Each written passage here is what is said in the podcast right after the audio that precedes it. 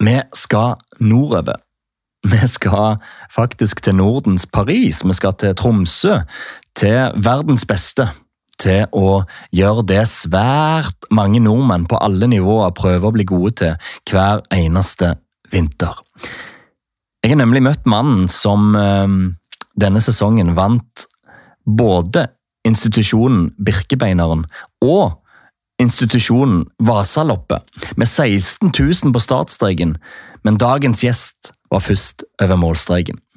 Han vant også andre renn, og han ble soleklar vinner av verdenscupen i langrø, langløp, som nettopp ble avslutta, og bare har blitt mer og mer ettertrakta for verdens beste skiløper. Jeg har nemlig møtt Andreas Nygaard. Jeg visste at han var en rappkjefta nordlending. Jeg visste at han var verdens beste til å gå fryktelig langt på ski. Og ofte vant gjennom å gå fryktelig fort på, på slutten. Eh, og jeg tenkte at han var en reflektert type gjennom intervjuene jeg har sett og lest. Men dreiningen denne samtalen tar de siste 20 minuttene, syns jeg forteller mye om en fantastisk type med hodet på rett plass i jakten på førsteplasser med ski på beina. Og veien dit har vært en berg-og-dal-bane med noen ganske pussige hendelser på veien.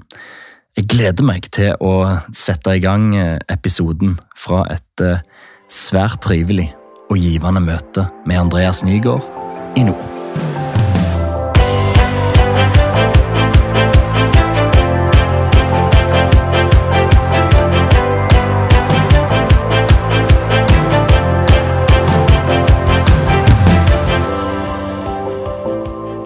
Navn. Andreas Nygaard. Idrett. Langrenn. Moderklubb. Talvik IL og nå Burfjord IL. Men Talvik var først. Talvik var først. Hvor stor forskjell er det i avstand fra Talvik og Burfjord? eller hva er forskjellen på de klubbene? Uh, det er ikke lang avstand. Det er jo for så vidt Vi er jo nordpå, så litt avstand blir det jo. Det er vel uh, fem mil. Så eh, de ligner nok ganske mye på hverandre. Det er to små plasser, begge to.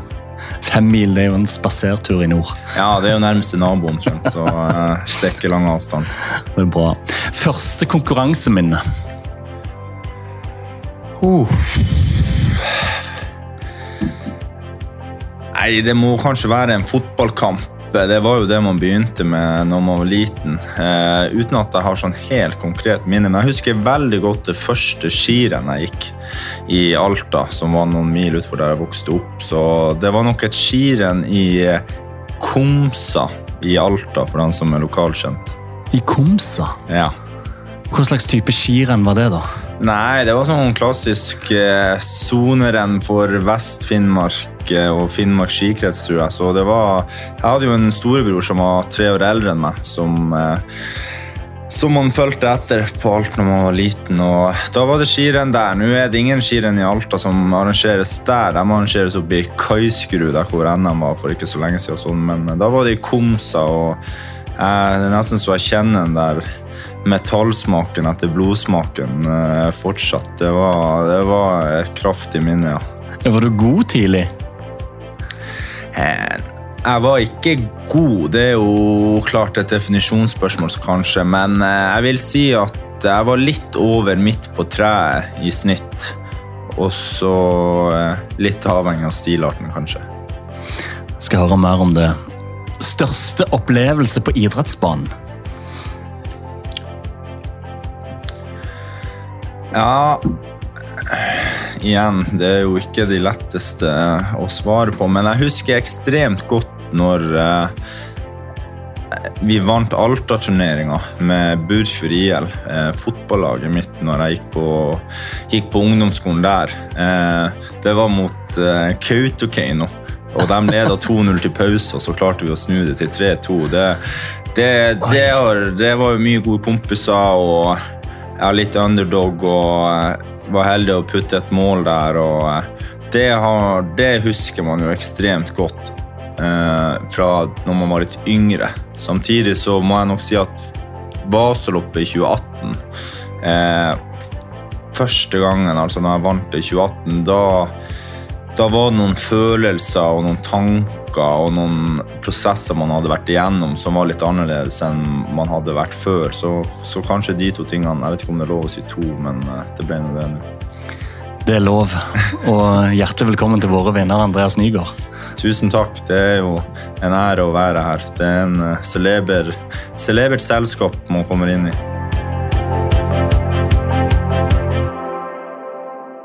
Du, den åpningen der, den syns jeg er interessant.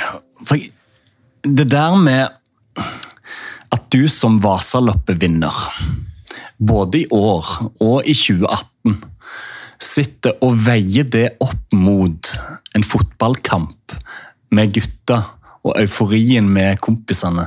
Da du var, Hvor gammel var du da? Sånn Ja, da var jeg vel eh, tolv. tolv. Og hva er det som gjør at det ikke er åpenbart Vasaloppet som er størst? Det syns jeg er interessant. Ja, det er jeg helt enig i. Det er Ja. interessant. Eh, Det, jeg vet ikke om det er at når man er yngre, at ting på en måte fester seg og oppleves på en litt annen måte når det på en måte ikke har blitt opplevd før. Og så er det noe med det å være en del av et lag fra en plass hvor mange rundt kanskje har mye eierskap til det som foregår, og stolthet. Og om man sjøl bare syns det er helt rått det man holder på med, og det man klarer å oppnå, oppnå sammen, så det er jo ikke verdens navle Burfjord, og det er for så vidt ikke Kautokeino heller, men eh, det, det var jo liksom eh, det var, Jeg husker vi hadde møttes tidligere i den turneringa, da var det i hvert fall et par-tre røde kort, og eh, det var jo litt temperatur, så jeg tror det var noe med å, det å komme bakfra og snu det, og liksom ja, sammen vinne noe, det, det, det var jo i hvert fall spesielt, virka det som, der og da.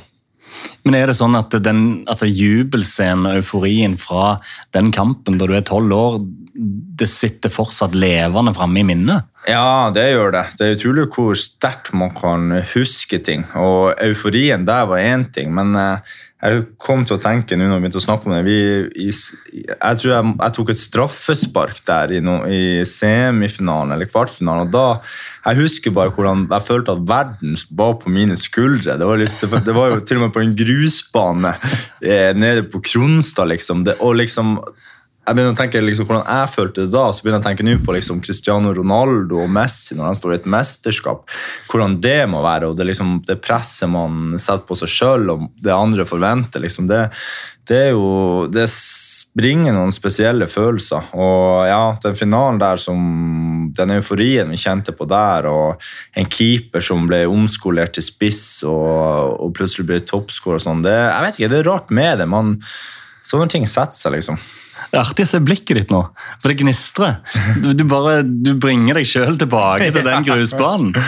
Ja. Eh, Det, den kraften i idrett, den er, den er enorm, altså. Ja, den er det. Og det var jo liksom Det var jo det artigste vi syns å holde på med en tid. Vi tenkte jo ikke så mye mer enn at kompisene våre syntes det var artig å drive med idrett, og derfor, derfor drev man sjøl med idrett òg. Og liksom Det var jo idrett fra morgen til kveld. og eh, nå hadde jeg dessverre nok ikke det fotballtalentet som Ja, talent det er jo en, det er i hvert fall et definisjonsspørsmål. Hva er talent? Men jeg var ikke rask. og det er jo gjerne en fordel i fotball, så eh, det var kanskje greit at jeg bytta karriere etter hvert.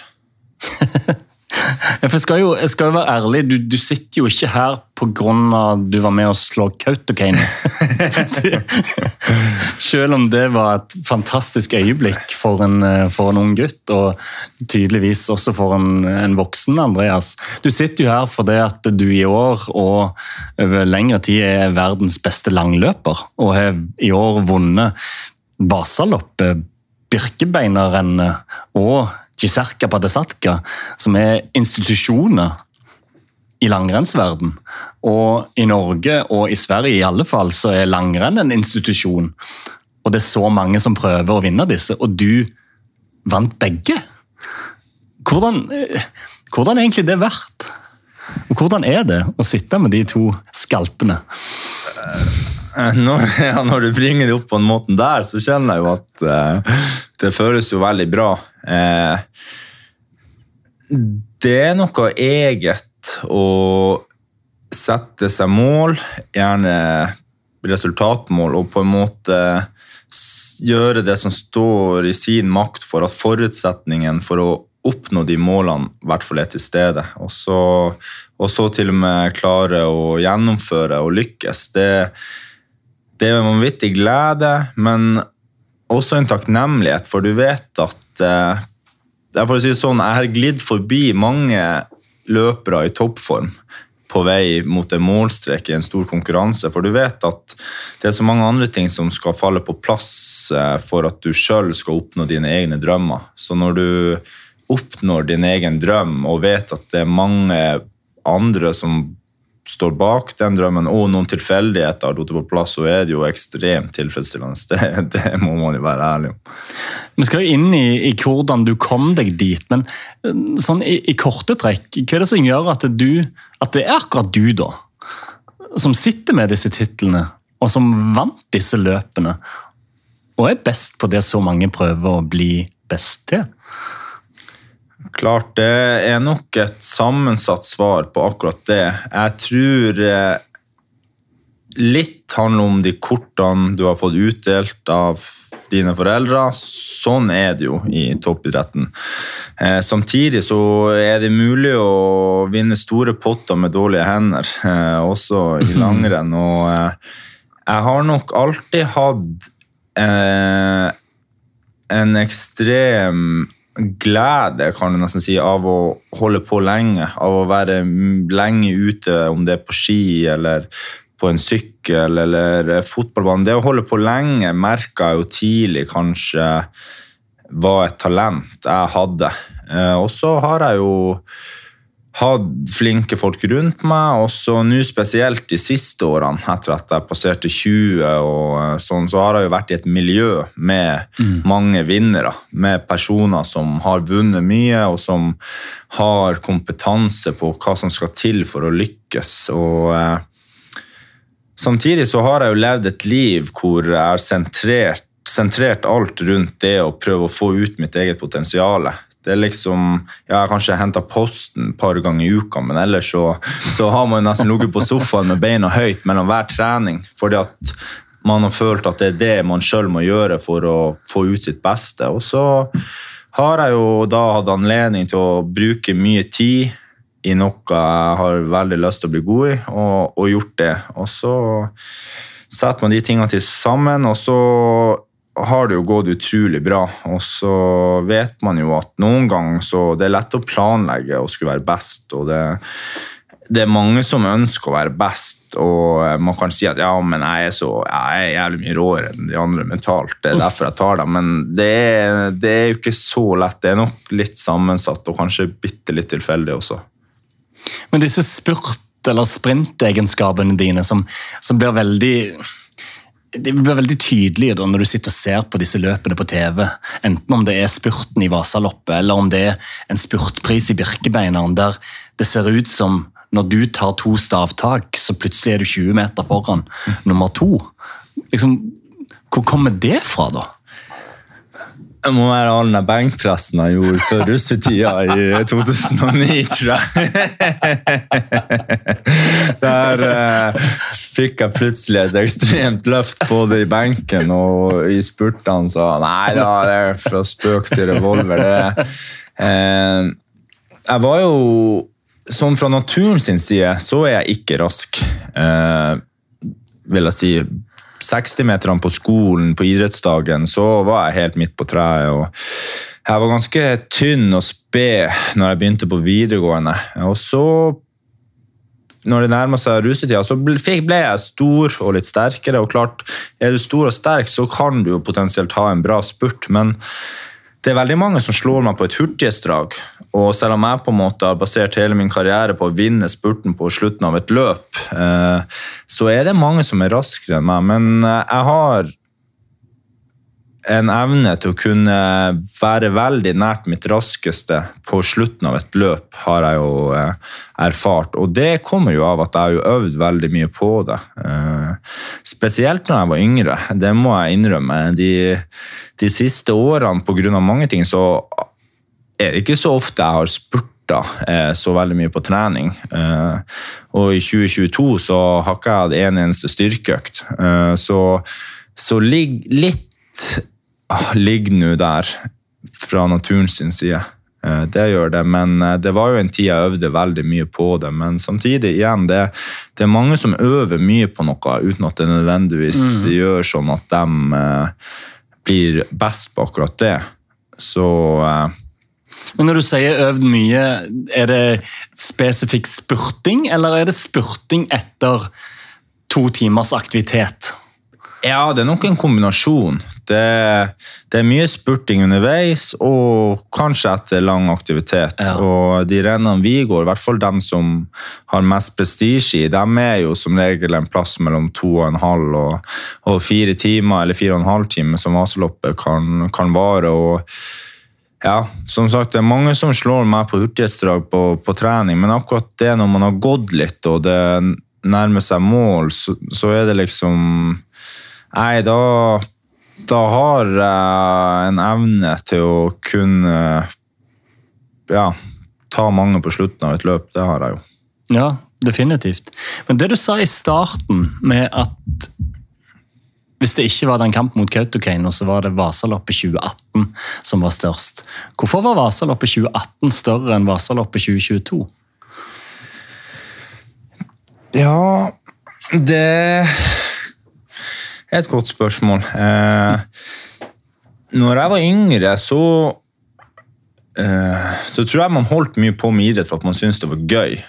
Eh, det var det man gjorde, og det var det kompisene gjorde. Og, det, og man gjorde det fra morgen til kveld, om det var fotball på sommeren, eller judo, eller innebandy eller ski. eller sånn, det, det, spilte ikke så stor rolle. Man holdt på med for at det var gøy, og man syntes det var artig. og eh, Når jeg tenker tilbake, så er det ikke så mange ganger jeg tenkte at jeg skal vinne det skirennet, junior-NM, eller jeg skal bli best der, eller sånne type ting. Samtidig som man så på OL og VM og sånn, tenkte at det hadde vært gøy. Men jeg ble veldig gammel før man på en måte tenkte sånn at man skulle bli best i noe. Og jeg tror egentlig Vasaloppet 2018 var første på en måte idrettskonkurransen hvor jeg lenge før hadde sagt at ja, jeg har lyst til å vinne Vasaloppet, ja. og jeg skal gjøre det i 2018.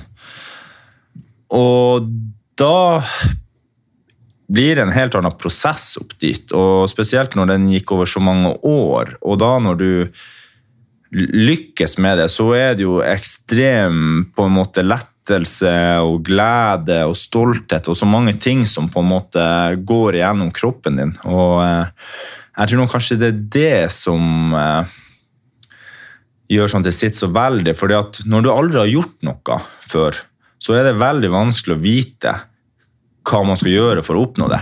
Det er jo som å sette opp en vaskemaskin eller en bokhylle. Første gangen du gjør det, du, det er jo vanskelig. Du, du, vet ikke hva som kreves. Mm. Sånn, liksom, sånn, er det jo med idrett òg. Hvis du aldri har vunnet noe, så vet du jo ikke hva som kreves av kroppen din for at du skal klare å vinne. Hvor fort må du springe på tredemølla? Hvor mange hangups med 25 kg belte må du ta? Hvor fort må du gå på rulleskimølla på 7% stigning? Hvor mye må du trene? Hvor lite må du trene? Du, du, vet jo ikke hva som kreves av deg for å vinne, for du har aldri gjort det før.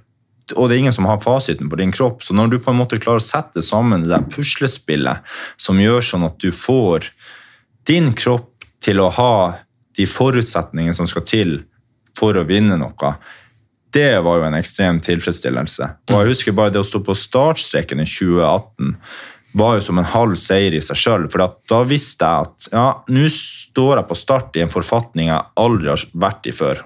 Både mentalt og fysisk, og med opplegg og alt. Jeg har aldri vært så bra som jeg er nå.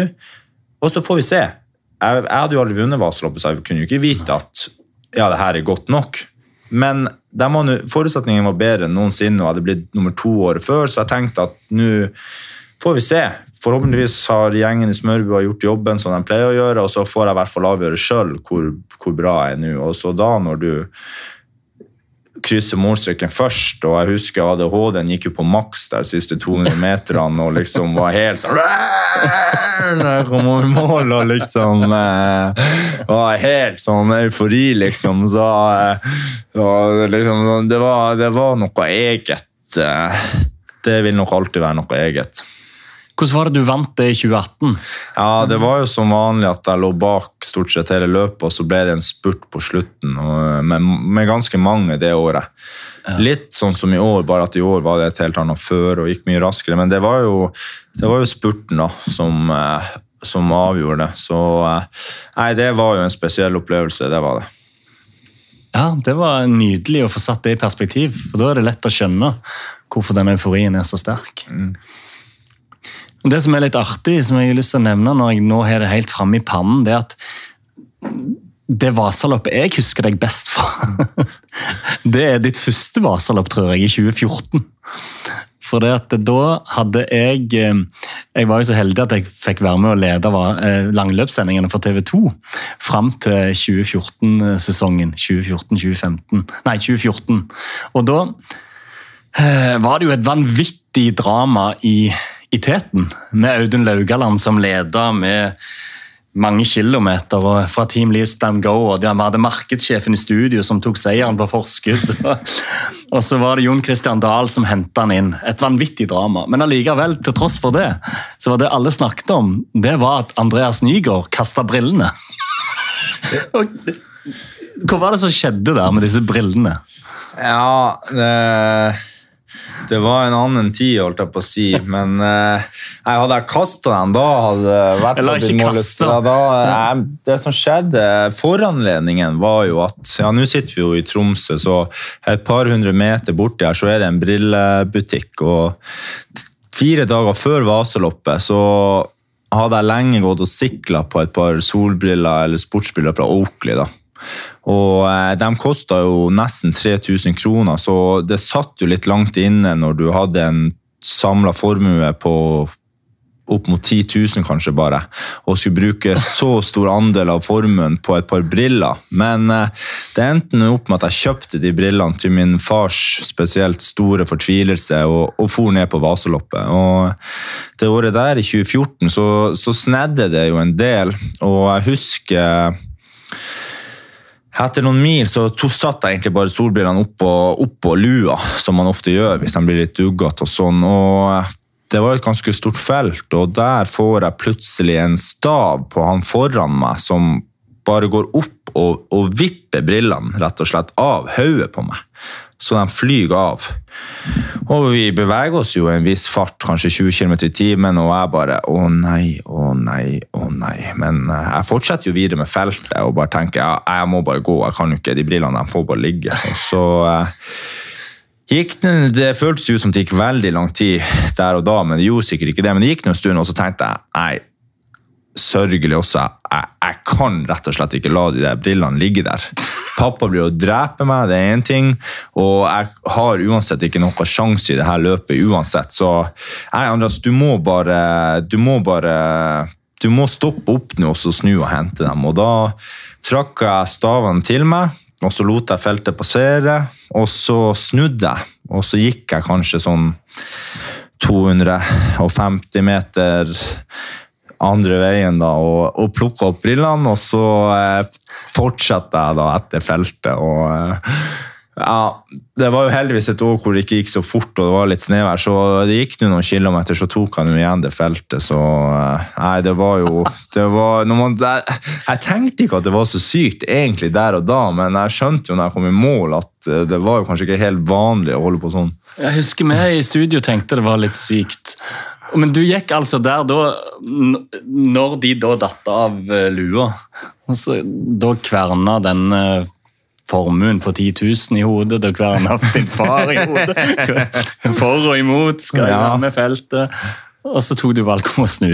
Ja, jeg gjorde det. Så uh, i ettertid så er jeg jo glad for det. For jeg, tror det fikk ingen innvirkning på, uh, på resultatet mitt til slutt, og, og jeg bevarte solbrillene. Så jeg, jeg tror det var et det var et godt valg. Ja, for Det som i tillegg gjorde historien kul, da, det var jo at du fikk jo et fantastisk resultat til slutt. Sant? Du ble nummer seks. Ja, ja jeg gjorde Det var jo et slags gjennombrudd. Absolutt. Det var jo absolutt et gjennombrudd for en eh, fortsatt ung skiløper som gikk mest norgescup og litt skandinavisk cup. Så eh, jeg husker jo der og da at jeg var jo ganske overraska. Det var jo litt i overkant. Hadde jeg trodd at jeg kunne være så nær seieren, så hadde nok jeg tatt en annen vurdering uten at det hadde fått noen konsekvens for, for sluttresultatet. Men eh, det er vel både første og siste gang at han som blir nummer seks på Vasaloppet, har snudd og henta brillene sine. Ja, Det tror jeg aldri kommer til å skje. det tror jeg ikke. Um, du kommer fra Burfjord. Ja, i hvert fall rett utfor. Ja, rett utfor. Mm. Um, og du hadde Hva var det den moderklubben hette som ikke var Burfjord? Ja, Talvik. Talvik, ja. Så det var der du starta. Um, var det langrenn? Eller når? Når var det langrenn som betydde mest? Ja, langrenn betydde nok mest ganske seint. Eh, mamma og pappa var flinke å ta oss med ut på ski eh, når vinteren kom. Og vinteren var jo ofte både lang og, og kald der hvor vi kom fra. Og jeg har en bror som er tre år eldre, som gikk på ski. og Som det ofte er med storesøsken, så henger man jo litt i om ikke skjorteflakene, så henger man jo etter dem. og Han gikk mye på ski. Men eh, når jeg vokste opp, så, så holdt jeg på med alt mulig. Det var var det mulig å spille bordtennis, så gjorde det, og badminton gjorde det, og var det svømming. Jeg gikk vel på svømming tre ganger i uka. Jeg gikk på judo, for det ble et veldig stort judomiljø der jeg vokste opp. og Prøvde skiskyting og gikk på ski og spilte fotball og sykla. Jeg var bare med på alt, for det var det som var kult. Det var jo det som var gøy. Det var jo det man likte å gjøre. og eh, vi vokste opp med at eh, vi Jeg er vel kanskje blant de siste som på en måte vokste opp uten at det med TV-spill og, og, data og sånne type ting var så veldig inne. Så vi var ute, og vi var ute og hadde det kult. Og da var man innom mye. Så det tok nok eh, opp til tiende klasse, kanskje, før eh, det, og du tok valget om å begynne på et skigymnas. Det var nok ja. først da når vi skulle begynne på skigymnas i Nordreisa, at du på en måte har gjort et aktivt valg på at ja, nå blir det ski, og ikke noe annet. Ja. ja. For da hadde du skjønt at du ikke kom til å bli Cristiano Ronaldo, liksom? eller? Ja, det hadde jeg nok skjønt. Eh, men klart, når du, er vokst opp på små plasser, så, så kan det jo hende at du gjerne er ganske flink sammenlignet med mange andre der, men etter hvert så, så skjønte man jo at uh, det var nok flere med et større talent enn meg, samtidig som jeg akkurat da kanskje fortsatt følte at jeg kunne ha noe der å gjøre, men uh, det var mange som var større talenter enn meg på fotballbanen, det var det ingen tvil om, men det var det jo også i langrenn. Uh, så sånn sett så var det jo ikke noe likhetstegn der, men jeg hadde jo mye gode venner i langrenn og en storebror som på, måte, på, mange måter gjorde det samme som jeg, spilte fotball og gikk på ski, men som valgte langrenn. Og så var kanskje foreldrene enda litt mer eh, interessert i langrenn enn de var i fotball, og så er det litt tilfeldigheter, og så er man der. Ja, Men det med å ha en storebror som er tre år eldre, som du er hele veien har lyst til å gjøre det samme som, det kan bety mye for både skallen og det en gjør i praksis. Absolutt. og Når en storebror er tre år eldre Når du er ung, så er tre år ganske ja, mye. Så de er som regel på et ganske annet nivå, både fysisk og psykisk og ferdighetsmessig. Så som du sier, jeg tror å ha en storebror å strekke seg etter eh, det tror jeg absolutt kan være en fordel hvis du, eh, hvis du takler det. Ja, og det gjorde du jo åpenbart. da. Men på det tidspunktet der var det, hadde du disse tradisjonelle drømmene om eh, landslag og gå OL og VM for Norge i tradisjonell langrenn? da? Ja, de drømmene var nok der. Eh, absolutt. Og det var jo på en måte de konkurransene man gjerne så på TV, og det var der man hadde sine forbilder. Så samtidig, så når man på en måte ser tilbake og tenker mer på det, så var det Jeg var ikke så veldig bevisst i tankene mine, og kanskje i det at jeg skal vinne VM-gull, eller å, jeg har lyst til å gå OL, eller jeg har lyst til å komme på landslaget. De tankene var nok alltid var nok sikkert der og svirra i bakgrunnen, og sånn, men jeg kan liksom ikke huske tilbake og virkelig komme på at jeg, jeg skal på landslaget, eller jeg skal til det OL-et, eller, eller sånne type ting. Det var mer det at jeg hadde det skikkelig kult med det jeg holdt på med. Jeg syns det var ekstremt artig, egentlig litt uavhengig av om det gikk bra eller dårlig. Klart det er jo alltid litt gøyere å gjøre det bra, men eh, jeg syntes det var kult å reise på skirenn. Jeg hadde mye gode kompiser som gjorde det samme. og det var egentlig Jeg ble ganske gammel før jeg på en måte følte at jeg bevisst tenkte at ja, jeg skal vinne den konkurransen og jeg skal gjøre alt som står i min makt for å, for å klare det. liksom. Det, det kom litt seinere. Det var lenge at det var, om ikke lek, så først og fremst lek. ja. For du er jo 24 år, er du det når uh, du blir nummer seks i Vasaloppet der? Ja, fyller i hvert fall det. Ja, fyller det det året. Ja. Er det da det virkelig går opp for deg at uh, fy søren, jeg kan bli skikkelig god i langløp? Ja, må nok svaret være på det. Samtidig så uh, har man jo kanskje gått noen lengre konkurranser når man er yngre. Jeg husker kanskje spesielt ett år når jeg gikk på videregående fortsatt, så gikk vi ja, gikk samisk skirace, og nok en gang så kommer vi innom Kautokeino. Det er et skirenn som går fra Hætta til Kautokeino på våren, som er, som er hakket over 90 km. Og jeg husker jeg gikk det skirennet. Eh, jeg husker blant annet at jeg gikk med en sykkeltrøye.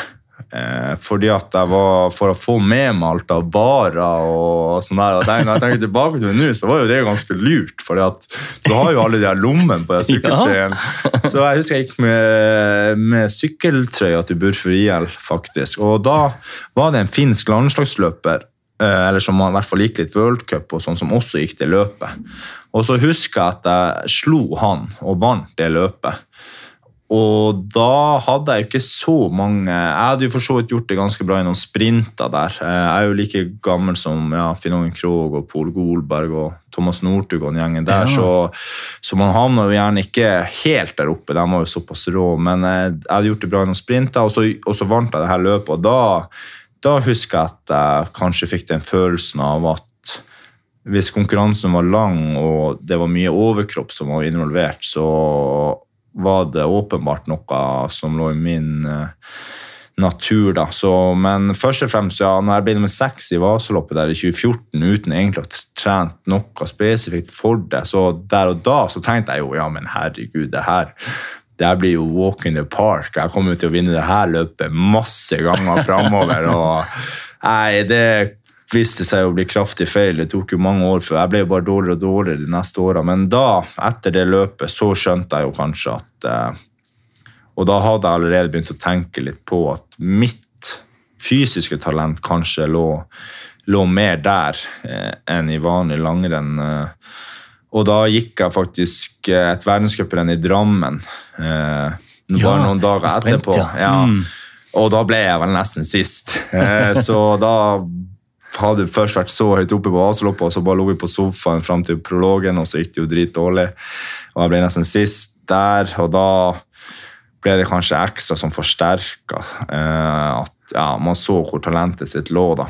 Og da når både Thomas Alsgaard og, og brødrene Aukland ringte eh, ikke så lenge etter der for å forhøre seg om, om at det her kunne være noe, så, så skjønte man jo at uh, istedenfor å betale for å reise på skirenn, så kunne det være litt artig å få betalt mm. for å reise på skirenn også. For dette var jo en periode det begynte å bli bra trøkk rundt langløp. Og plutselig ble, ble jo du litt hot på overgangsmarkedet, for å si det sånn. Eh, altså med, med Thomas Alsgaard, med det laget som jeg nevnte, med Lease Plan Go, som ville ha deg, og Team Santander, var det det de het da? Med, ja, da var det, det bytta navn rett ja. den sesongen. Da var det ja. Centric eller noe sånt. Ja. ja. Og de, og de ville, nå ville plutselig alle ha Andreas Nygaard på laget sitt. Hvordan var det? Ja, om det var alle Nei, det var, men de beste ville jo det. Ja, de ville jo faktisk det. Og akkurat der og da så tenkte jeg ikke kanskje så mye på det, men jeg visste jo godt hvem Aukland-brødrene var, og Thomas er jo en legende i- i langrennssporten, så, så det var jo smigrende og og litt sånn eh, Ja, det var jo litt bonanza på den tida, akkurat med det med staking og lange skirenn. og Mm. før, det var jo før de her eh, stakefrie sonene og, og stavbegrensningene kom, så da, så da endra det seg jo fort eh, litt eh, hva man så for seg videre. Samtidig så, så ville jeg jo først og fremst bare bli en bedre versjon av meg sjøl fysisk.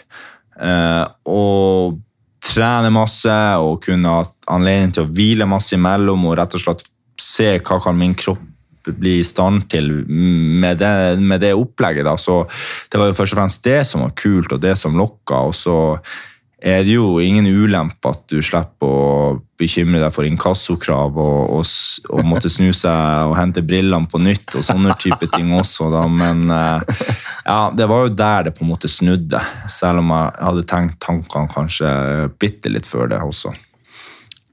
Men hvordan var det da for deg? For selv om du har en, åpenbart en tøff skalle og har hatt en oppvekst i Nord-Norge som har gjort den skallen godt, vil jeg tro, eh, og hadde et bra grunnlag, og er nummer seks i Vasaloppet, men hvordan var det likevel å komme inn i et regime med disse Aukland-brødrene? For de er jo i hermetegn gale. Hvordan var det for deg? Eh, nei, det var brutalt. Det var det ingen tvil om.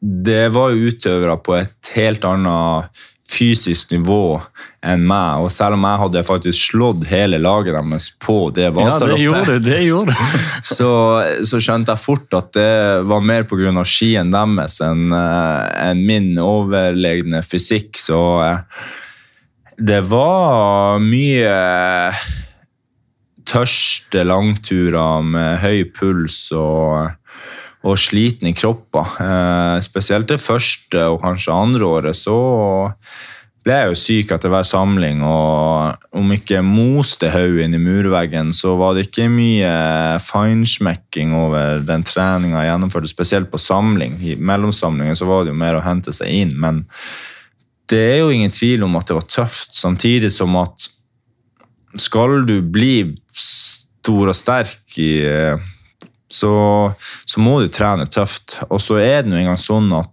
det er ikke bare å trene hardest eller mest for å bli best i noe. Det, det, ikke, det hadde vært veldig enkelt om det var et likhetstegn mellom hvor mye du putta inn og hva du fikk ut.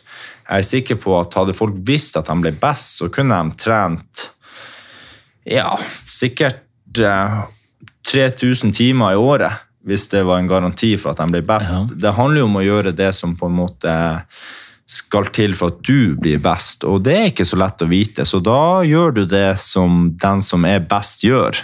Og på den tida så var jo Aukland-brødrene best, og de var ikke redd for å gi gass på trening eller ja, viser hvem som var sterkest, eller tar skikkelig i, eller trener lenge og hardt. Så det var jo noe helt annet enn det jeg var vant til fra et såkalt regionslag i, i langrenn. Så det var, det var harde bud. Men hvor harde bud var det? Det var jo snakk om liksom, åtte timers padleturer og det ene med det andre. Liksom, hvor, hvor er filosofien til de gutta? I korte trekk.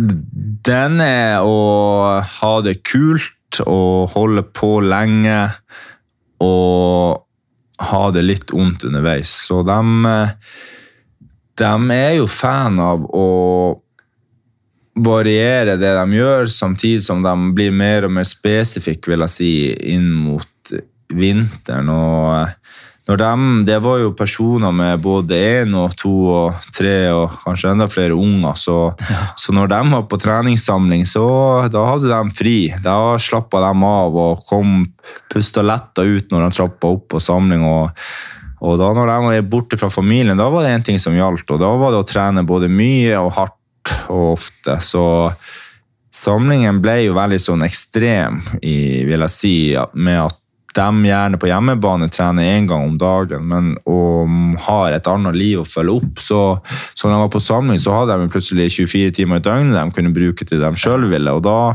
da ble kanskje treninga deretter. Og det fungerte jo åpenbart for dem. Ja, og etter hvert òg for deg. Men medførte dette at du havna i en bølgedal? Ja, det er godt spørsmål, og det er veldig vanskelig å vite om ting er til tross for eller på grunn av når det kommer til idrettsprestasjoner. Og er det det at man kjørte seg så ned da, som gjorde sånn at du kom veldig høyt opp etterpå? Hvor lenge etter kan noe trening du har gjennomført, på en måte gi utslag? Blir du, noen er jo sånn hvis ikke du blir bedre på fire uker, så har du gjort noe feil, mens andre mener at det du gjør nå, det kan du få igjen for om tre-fire år. Og så er kanskje svaret en ting derimellom, eller at det varierer veldig fra person til person. Men når man ser tilbake, så har det jo åpenbart fungert. Det er det jo ingen tvil om. Og jeg tror nok kanskje at jeg trengte den der herdinga. Eh, og jeg ble jo bedre og bedre for hvert år som gikk. Samtidig så føler jeg jo nå når jeg på en måte er på mitt beste, som har vært noensinne, at den treninga jeg gjennomfører, er mye mer disiplinert. De samlingene vi gjør, er mer ja, mindre intensiv, eller ikke, Vi har tøffe økter nå, misforstå meg rett, men jeg, jo, jeg føler jeg trener mer puslete nå enn jeg gjorde da. Men jeg er jo bedre enn noensinne, så jeg trener jo åpenbart nok. Og det er jo det som er litt med med toppidrett. og klart Noen idretter så er nok more is more, more is better, på en måte, mens andre ganger så, så er det kanskje ikke det å trykke gasspedalen helt i bånn hele tida veien å gå, men å heller ligge og nå føler jeg at jeg ligger mye mer og slurer. At jeg, når jeg kjenner at jeg er litt sliten, sover litt dårlig på natta, litt tung i beina, sliter med å komme opp i puls når jeg trener hardt, da slipper jeg opp på gasspedalen. Da, nei, da, da sier kroppen ifra at nå må du roe litt ned. Og straks jeg kjenner de andre tingene jeg har lyst til å ta i, jeg føler meg veldig piggmuskulært, pulsen fyker opp når jeg tar i, da trykker du gasspedalen ned. Og ligger der og trykker til du kjenner at oi, nå må vi begynne å slakke igjen. Og jeg, den der kjenslene som Jeg husker jeg prata en del med Johan Olsson når han var på laget, om akkurat det der med kjenslene. at hvordan de gjerne utøver på et veldig høyt nivå og har den kjenslene på, på, hva som er best for dem, den føler jeg har utvikla mye siden jeg begynte som idrettsutøver. Absolutt. Av de som sitter og lytter på nå, og som eh, går disse langløpene og står på samme startstrek som, som dere, hvor mye av den tankegangen du har vært en del av de siste årene, er overførbar til eh, mosjonisten, supermosjonisten, alle de andre tusenvis av menneskene som har lyst til å gå disse løpene så bra som bare de kan? Ja, det er jo det du avslutter med der, så bra som bare de kan, er jo veldig likt. Det å på en måte få ut den prestasjonen som du kan få ut, er jo helt likt, og så er det bare sluttresultatet som, som er noe annet. Eh, så jeg vil si at det er veldig mye likheter, og det er jo litt det som er en stor del av sjarmen, syns jeg, med å gå de lange løpene. Sånn som på, på Vaseloppet så er vi nesten 16 000 som starter på det samme skuddet, som skal gå fra den samme plassen og avslutte på den samme plassen. Og klart For meg så er det jo dessverre kan man kanskje si, nesten bare det å krysse mållinja først som vil gjøre det til en optimal opplevelse, mens de kanskje slipper det. Men samtidig det der med å sette seg mål. Hvor vil jeg? Hva vil jeg oppnå? Hva tror jeg skal til for å komme dit og oppnå de tingene? Og så gjennomføre de tingene. Dem tror jeg er veldig like. Og så er det jo eh, sånn at det ikke er alle som har muligheter til å leve det, det livet jeg gjør utenom trening, men alle har jo muligheten til å sette seg mål og arbeide så godt som de kan ut ifra sine premisser for å nå de målene. Så det er jo veldig likt. Du er jo medisinstudent, Og eh, selv om du ikke har veldig stor del av livet ditt til å gjøre andre ting enn å prøve å bli best i verden på langløp, har du samme tankesett på andre ting du gjør, som du beskriver nå? Både ja og nei. Jeg tror nok idretten har vært litt spesiell for min del. For der er det jo veldig enkelt kanskje å gjøre de her tingene. Og overføre dem til uh, andre ting kan være utfordrende. Men hvis jeg har f.eks. du trekker medisin der, så mm. har jeg jo en eksamen nå om to måneder. Og jeg vet jo sånn cirka hva som skal til for at den eksamen skal gå som jeg ønsker at den skal gå. Og så vet jeg hvor lenge det er til den eksamen kommer.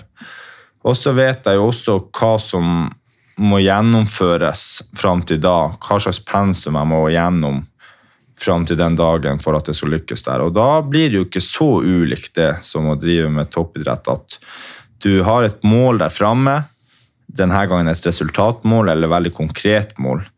Og så vet du på en måte litt hva som kreves av deg for å få gjennomført det målet eller oppnå det målet. Og da handler det jo mye om å få gjort akkurat det du kan for at du skal være fornøyd med det som skjer der framme. Så det er jo ingen tvil om at man kan trekke paralleller mellom toppidrett og andre deler av samfunnet. Samtidig som man må være også bevisst på at eh, det ikke er helt det samme heller. Og eh, akkurat nå så kjenner jeg jo at all min motivasjon og interesse og glede, den ligger først og fremst i langrenn. Samtidig som jeg syns det er veldig spennende og interessant, veldig spennende dag i dag f.eks. på studiet, at det, det, det, er ekstremt spennende med studiet, men det er noe jeg enda har litt foran meg. Det er liksom Det er, det er idretten som får meg opp om morgenen, selv om klart, når du har et press fra skolen og det kommer en eksamen snart, så, så våkner du da når klokka ringer. absolutt. Hvor lenge ser du for deg at det er idretten som kommer til å være det som i hovedsak får deg opp om morgenen? da? Jeg har ikke tenkt så mye på det, og det er jo kanskje vært et tegn på at det er veldig lenge til. Ja. Men eh, så er det jo en gang sånn at når man passerer 30, så får man jo av og til det spørsmålet der. Og eh, og da tenker man jo litt. Og jeg tror nok jeg ikke blir noen ny Anders Aukland som eh, fyller 50 år i år og fortsatt skal, skal prøve å gå så fort han kan på Marcialonga og Vasaloppet og Birken. Det gjør jeg ikke, men eh, jeg håper jeg får fem gode år til. Og samtidig, hvis du har en kropp som fungerer, og du på en måte føler du får som fortjent, enten om det er dårlige resultater pga. dårlig arbeid og innsats, eller om det er gode resultater fordi at du har fortjent det, så, så tror jeg blir å fortsette så lenge det er liv laga. Det er forhåpentligvis ganske mange år til. Det tror jeg det blir. Men hvor motiverende er det med den, den delen av, lang, eh, av, langløp som handler om laget? For det, Noe av det vi starta denne podkasten med, det var euforien som ble skapt mot Kautokeino. Sammen med gutta, sammen med kompisene. Og den eh, dimensjonen er jo mye sterkere i langløp enn den er i tradisjonell langrenn. Denne, denne lagtaktikken og det lagsamarbeidet og planen som blir lagt. I hvor stor grad syns du det er tilfredsstillende? Ja, i absolutt stor grad. Det er noe eget med det å vite at han du deler dobbeltseng med 150 døgn i året, eller alle de seks andre du er på treningssamling med hver uke, skal gå det samme løpet som du skal gå. De skal starte nøyaktig samtidig som det du skal. Og dere har både de individuelle drømmene som kan være ganske like, og det overordna målet som kan være for laget sin del om at vi skal vinne det skirennet. Det er jo et veldig konkret mål. Og da er det jo veldig både spennende og givende, men også utfordrende og stimulerende det å skulle sammen med noen andre personer prøve å oppnå noe. Mm. Eh, det er jo fortsatt en veldig individuell idrett, men Sånn som på Vasaloppet i år, så knakk jeg jo staven underveis og får egentlig med en gang en stav fra Joar Tele som gjør sånn at jeg slipper å gå med en stav der og vente på en ny stav, mens det går jo utover hans prestasjon. Og klart, Det er jo lett for meg å være fornøyd med lagsamarbeid når, når det ender opp med at jeg, jeg får ny stav og ikke må gi den, kanskje, men det viser jo bare litt det om at eh, det er ikke kun det plassifferet foran ditt eget navn på resultatlista som betyr noe.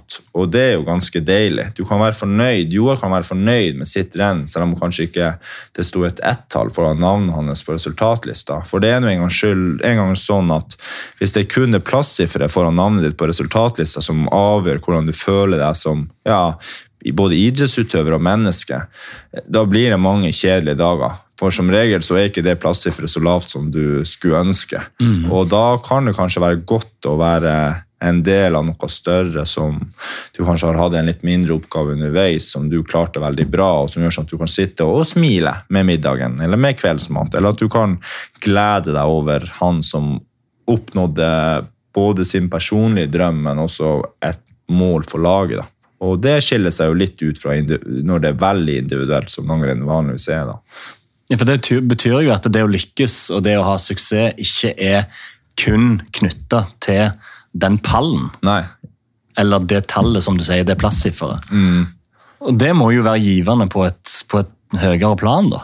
Absolutt. Og, eh, og, det er noe jeg virkelig setter pris på med, med det å være på lag. Og nå er det kanskje Jeg har jo vært heldig og ofte vært den som har kryssa målstreken først, men og det er kanskje lettere å se de tingene når man uh, har hatt mye suksess og kanskje blir litt eldre. Men jeg husker til og med når jeg begynte på, med langløp med Aukland-guttene, og jeg egentlig bare gikk for en såkalt grønn trøye, som var en sånn poengkonkurranse underveis.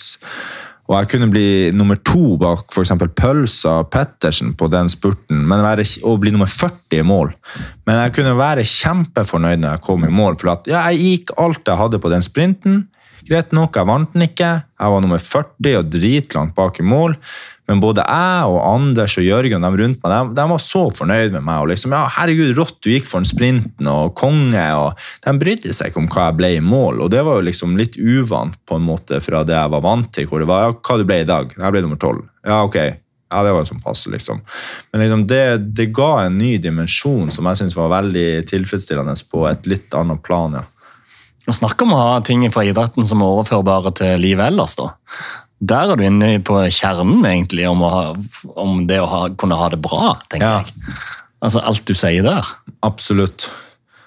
Og eh, toppidrett eh, kan jo være brutalt.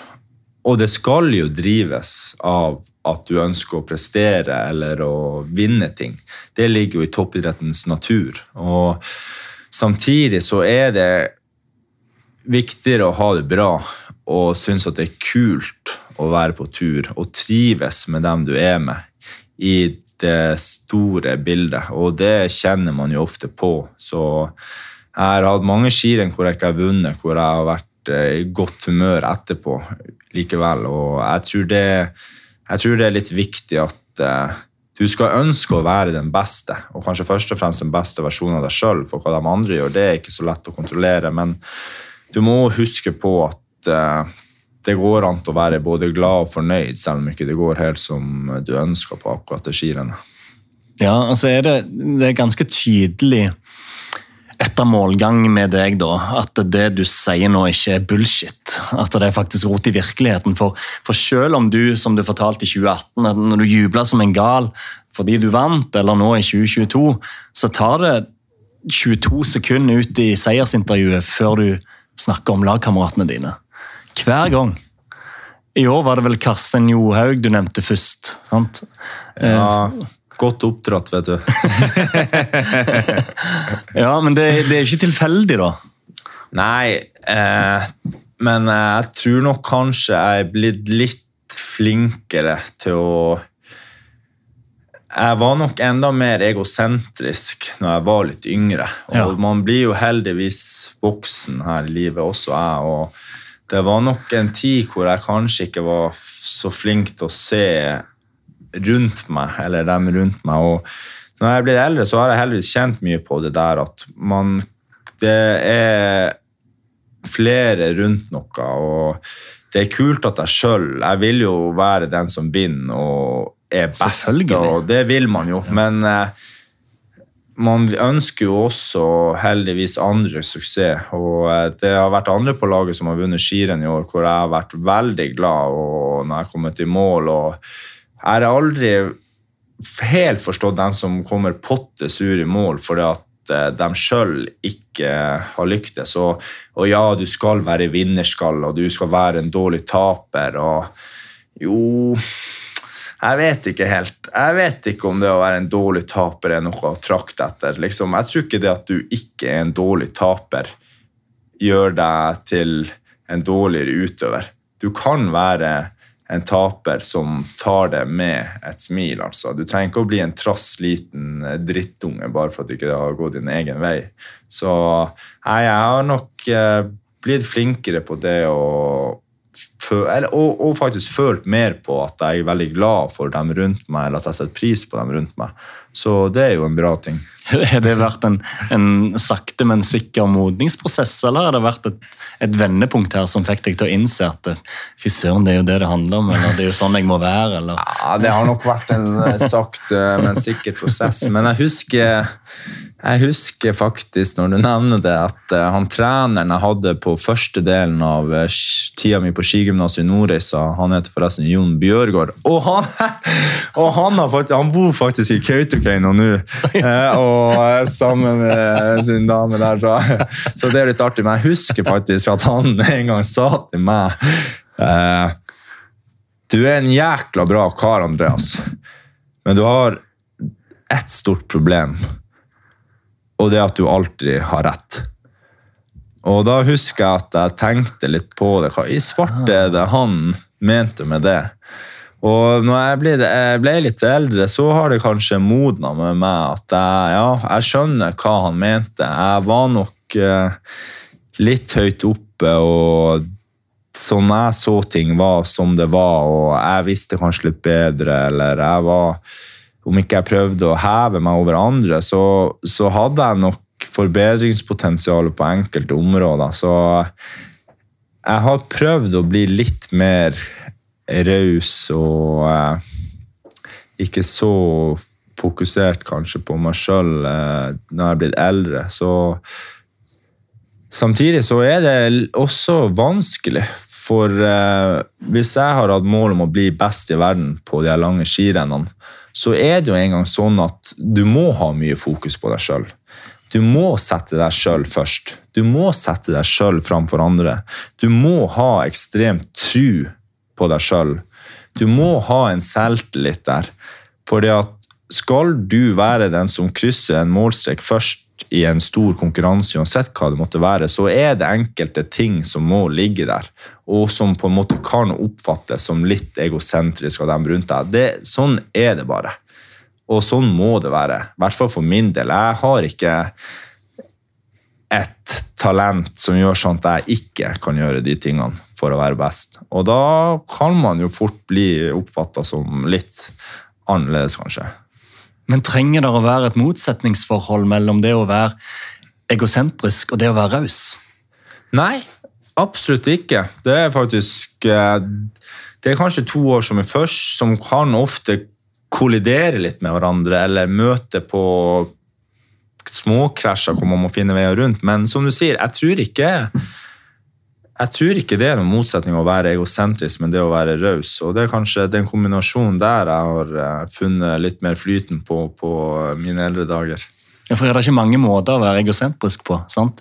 Der, egosent, eh, der det egoet går over i å være arrogant, så får du problemet. Men hvis du er ego med tanke på å få maks ut av deg sjøl som person, og samtidig er raus, da begynner vi vel å snakke om den perfekte balansegangen her. Absolutt, absolutt. Og det virker jo ikke som den rausere utgaven av Andreas Nygaard har blitt dårligere i sporet. Nei, absolutt ikke. Så eh, nei, jeg tror nok det du sier der, det, det er noe å, til etterretning og som man må ta med seg videre. For som du sier, det er absolutt ingen motsetning. og Livet blir jo gjerne litt artigere og bedre når man er litt raus, også med noen andre enn deg sjøl, men kanskje også dem rundt deg. Så eh, Så det er en ting. Og en annen ting, når vi er litt inne på det Nå tok du litt sånn artig vending her, men en ting som jeg faktisk har vært litt bevisst på de senere årene, det er det her med skryt. At jeg tror kanskje når jeg var yngre det kan hende at jeg overdriver nå, men jeg tror jeg var litt sånn at jeg skrøt av meg sjøl, eller jeg likte å framsnakke meg sjøl. Og når jeg er blitt eldre, så er det ingenting nesten jeg syns er så corny som at når jeg møter folk som framsnakker seg sjøl veldig, eller skryter veldig av det de har gjort. Eh, så det jeg har passa på, det er at jeg gjerne er blitt flinkere til å skryte av andre, eller framsnakke andre, når jeg har hatt muligheten til det. For da slipper de kanskje å gjøre det sjøl. Ja. Og, fram, og framstå som man er fjotten som bare skal snakke om seg sjøl. Nettopp for at jeg den ene gangen hadde vært oppmerksom på at ja, men vet du hva, så rå du var der på det skirennet, hvor du flink du var med der. Så det å skryte av andre, eller framsnakke andre når det er fortjent, det tror jeg er en ting man må ta med seg. For da, da slipper folk å gjøre det sjøl, hvis det var andre som har gjort det for dem. Og da, da blir det så mye bedre, syns jeg. Ja, så får du vel kanskje inn det momentet med at, eh, at både den som anerkjenner og den som blir anerkjent, får energi. Ikke sant? Og så er det to pluss to her. Ja, sant? ikke sant. Så nei, det er life lesson der. Ja. ja, dette var interessant, Andreas. Til slutt, da.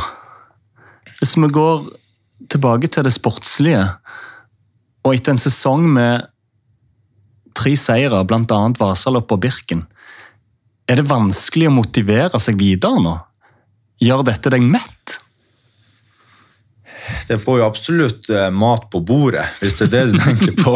Men uh, jeg har alltid følt at jeg har vært ekstremt motivert i hele mitt liv. Det har bare vært en sånn bitte liten gnist. Jeg, kan, jeg, kan gå, jeg har kunnet gått en hel sesong uten et eneste resultat, men så har jeg gått fort på et testrenn i april når ingen andre har vært i form, og fått en gnist av det. Det har vært ekstremt lite drevet av det sportslige, hvordan min motivasjon har vært. Eh, så jeg har alltid vært vil jeg, har følt sammenlignet med dem jeg er rundt meg. Nå kan det hende at jeg har sett dem på en annen måte, at jeg har vært en veldig motivert utøver. Så jeg vil si at jeg er fortsatt ekstremt motivert. Samtidig som jeg også kjenner at jeg kanskje ikke At motivasjonen den er kanskje litt annerledes. Driven er litt annerledes enn den var, men det betyr ikke at den er mindre. Den er bare annerledes. Og motivasjon det må du jo skape, føler jeg, hele tida. Det er ikke nødvendigvis sånn at alt du gjør, er så euforisk, eller at du gleder deg så sinnssykt mye til det. Men jeg har masse ting som gjør sånn at jeg har lyst til å fortsette å prestere. Eller utvikle meg eller bli en bedre utgave av meg sjøl. Jeg har aldri vunnet Marcialonga, eksempel, et langløp mm. i Italia. og Det kan jo være et sånt her resultatmål som er veldig drivende og motiverende. Men først og fremst så kjenner jeg jo at jeg har lyst å gjøre ting på trening på en annen måte som er både artig og spennende, og som jeg på en måte har tenkt så mye igjennom at jeg tror at det også kan være bra for min utvikling. Jeg har masse flotte folk rundt meg, jeg har et lag som er sterkt. Jeg har en mann på snart 50 år som er som en liten unge hver gang jeg kommer på treningssamling. Det er mange ting rundt meg som jeg kjenner motiverer meg til å fortsette å jage målstreker først. Så jeg vil, jeg vil si at jeg er ikke mett i den forstand at jeg føler at jeg ikke har mer å holde på med, nei. Ja, Det høres det virkelig ikke ut som. Og dette Andreas Nygaard, dette har vært en veldig fascinerende time. Det har vært skikkelig givende å bli kjent med utøveren bak verdens beste langløper, men ikke minst mennesket bak verdens beste langløper. Eh, skikkelig interessant. Ja, jeg må si det, det, det er ikke så ofte man er på podkast, men av og til på podkaster så så tenker man ting man på en måte ikke har tenkt igjennom sjøl, eller spørsmål blir stilt på en måte som gjør sånn at det vekker ting man kanskje ikke Eller tanker eller refleksjoner man ikke har vært innom før. Så det er jo òg veldig givende for meg å være her og prate med deg i en sånn setting. Så nei, det, har vært, det har vært veldig interessant og spennende. Så bra. Og jeg angrer ikke på at jeg tok turen til vakre Tromsø. Som for øvrig viste seg fra sin eh, aller beste side i dag, da. Det, det må en si. Ja, det hadde vært fint om alle dagene var som i dag. Det, det er dessverre litt eh, nordavind og snebyger her også, så, men eh, i dag har Tromsø levert bra, absolutt. Ja, og du har levert bra i, i podkasten. Så oppsummert en meget bra dag. Helt enig. Og en fin time. Tusen hjertelig takk for at du kom til våre vinner, Andreas Nygaard. Tusen takk for at jeg fikk lov til å komme.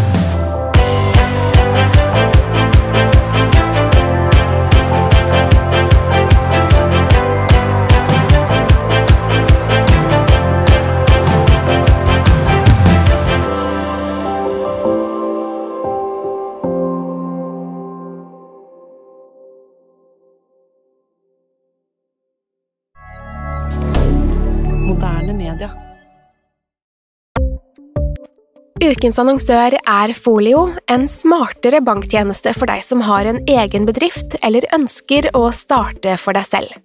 Folio er en superenkel nettbank for bedrifter. Som kunde i Folio får du en bedriftskonto med et bedriftskort og app.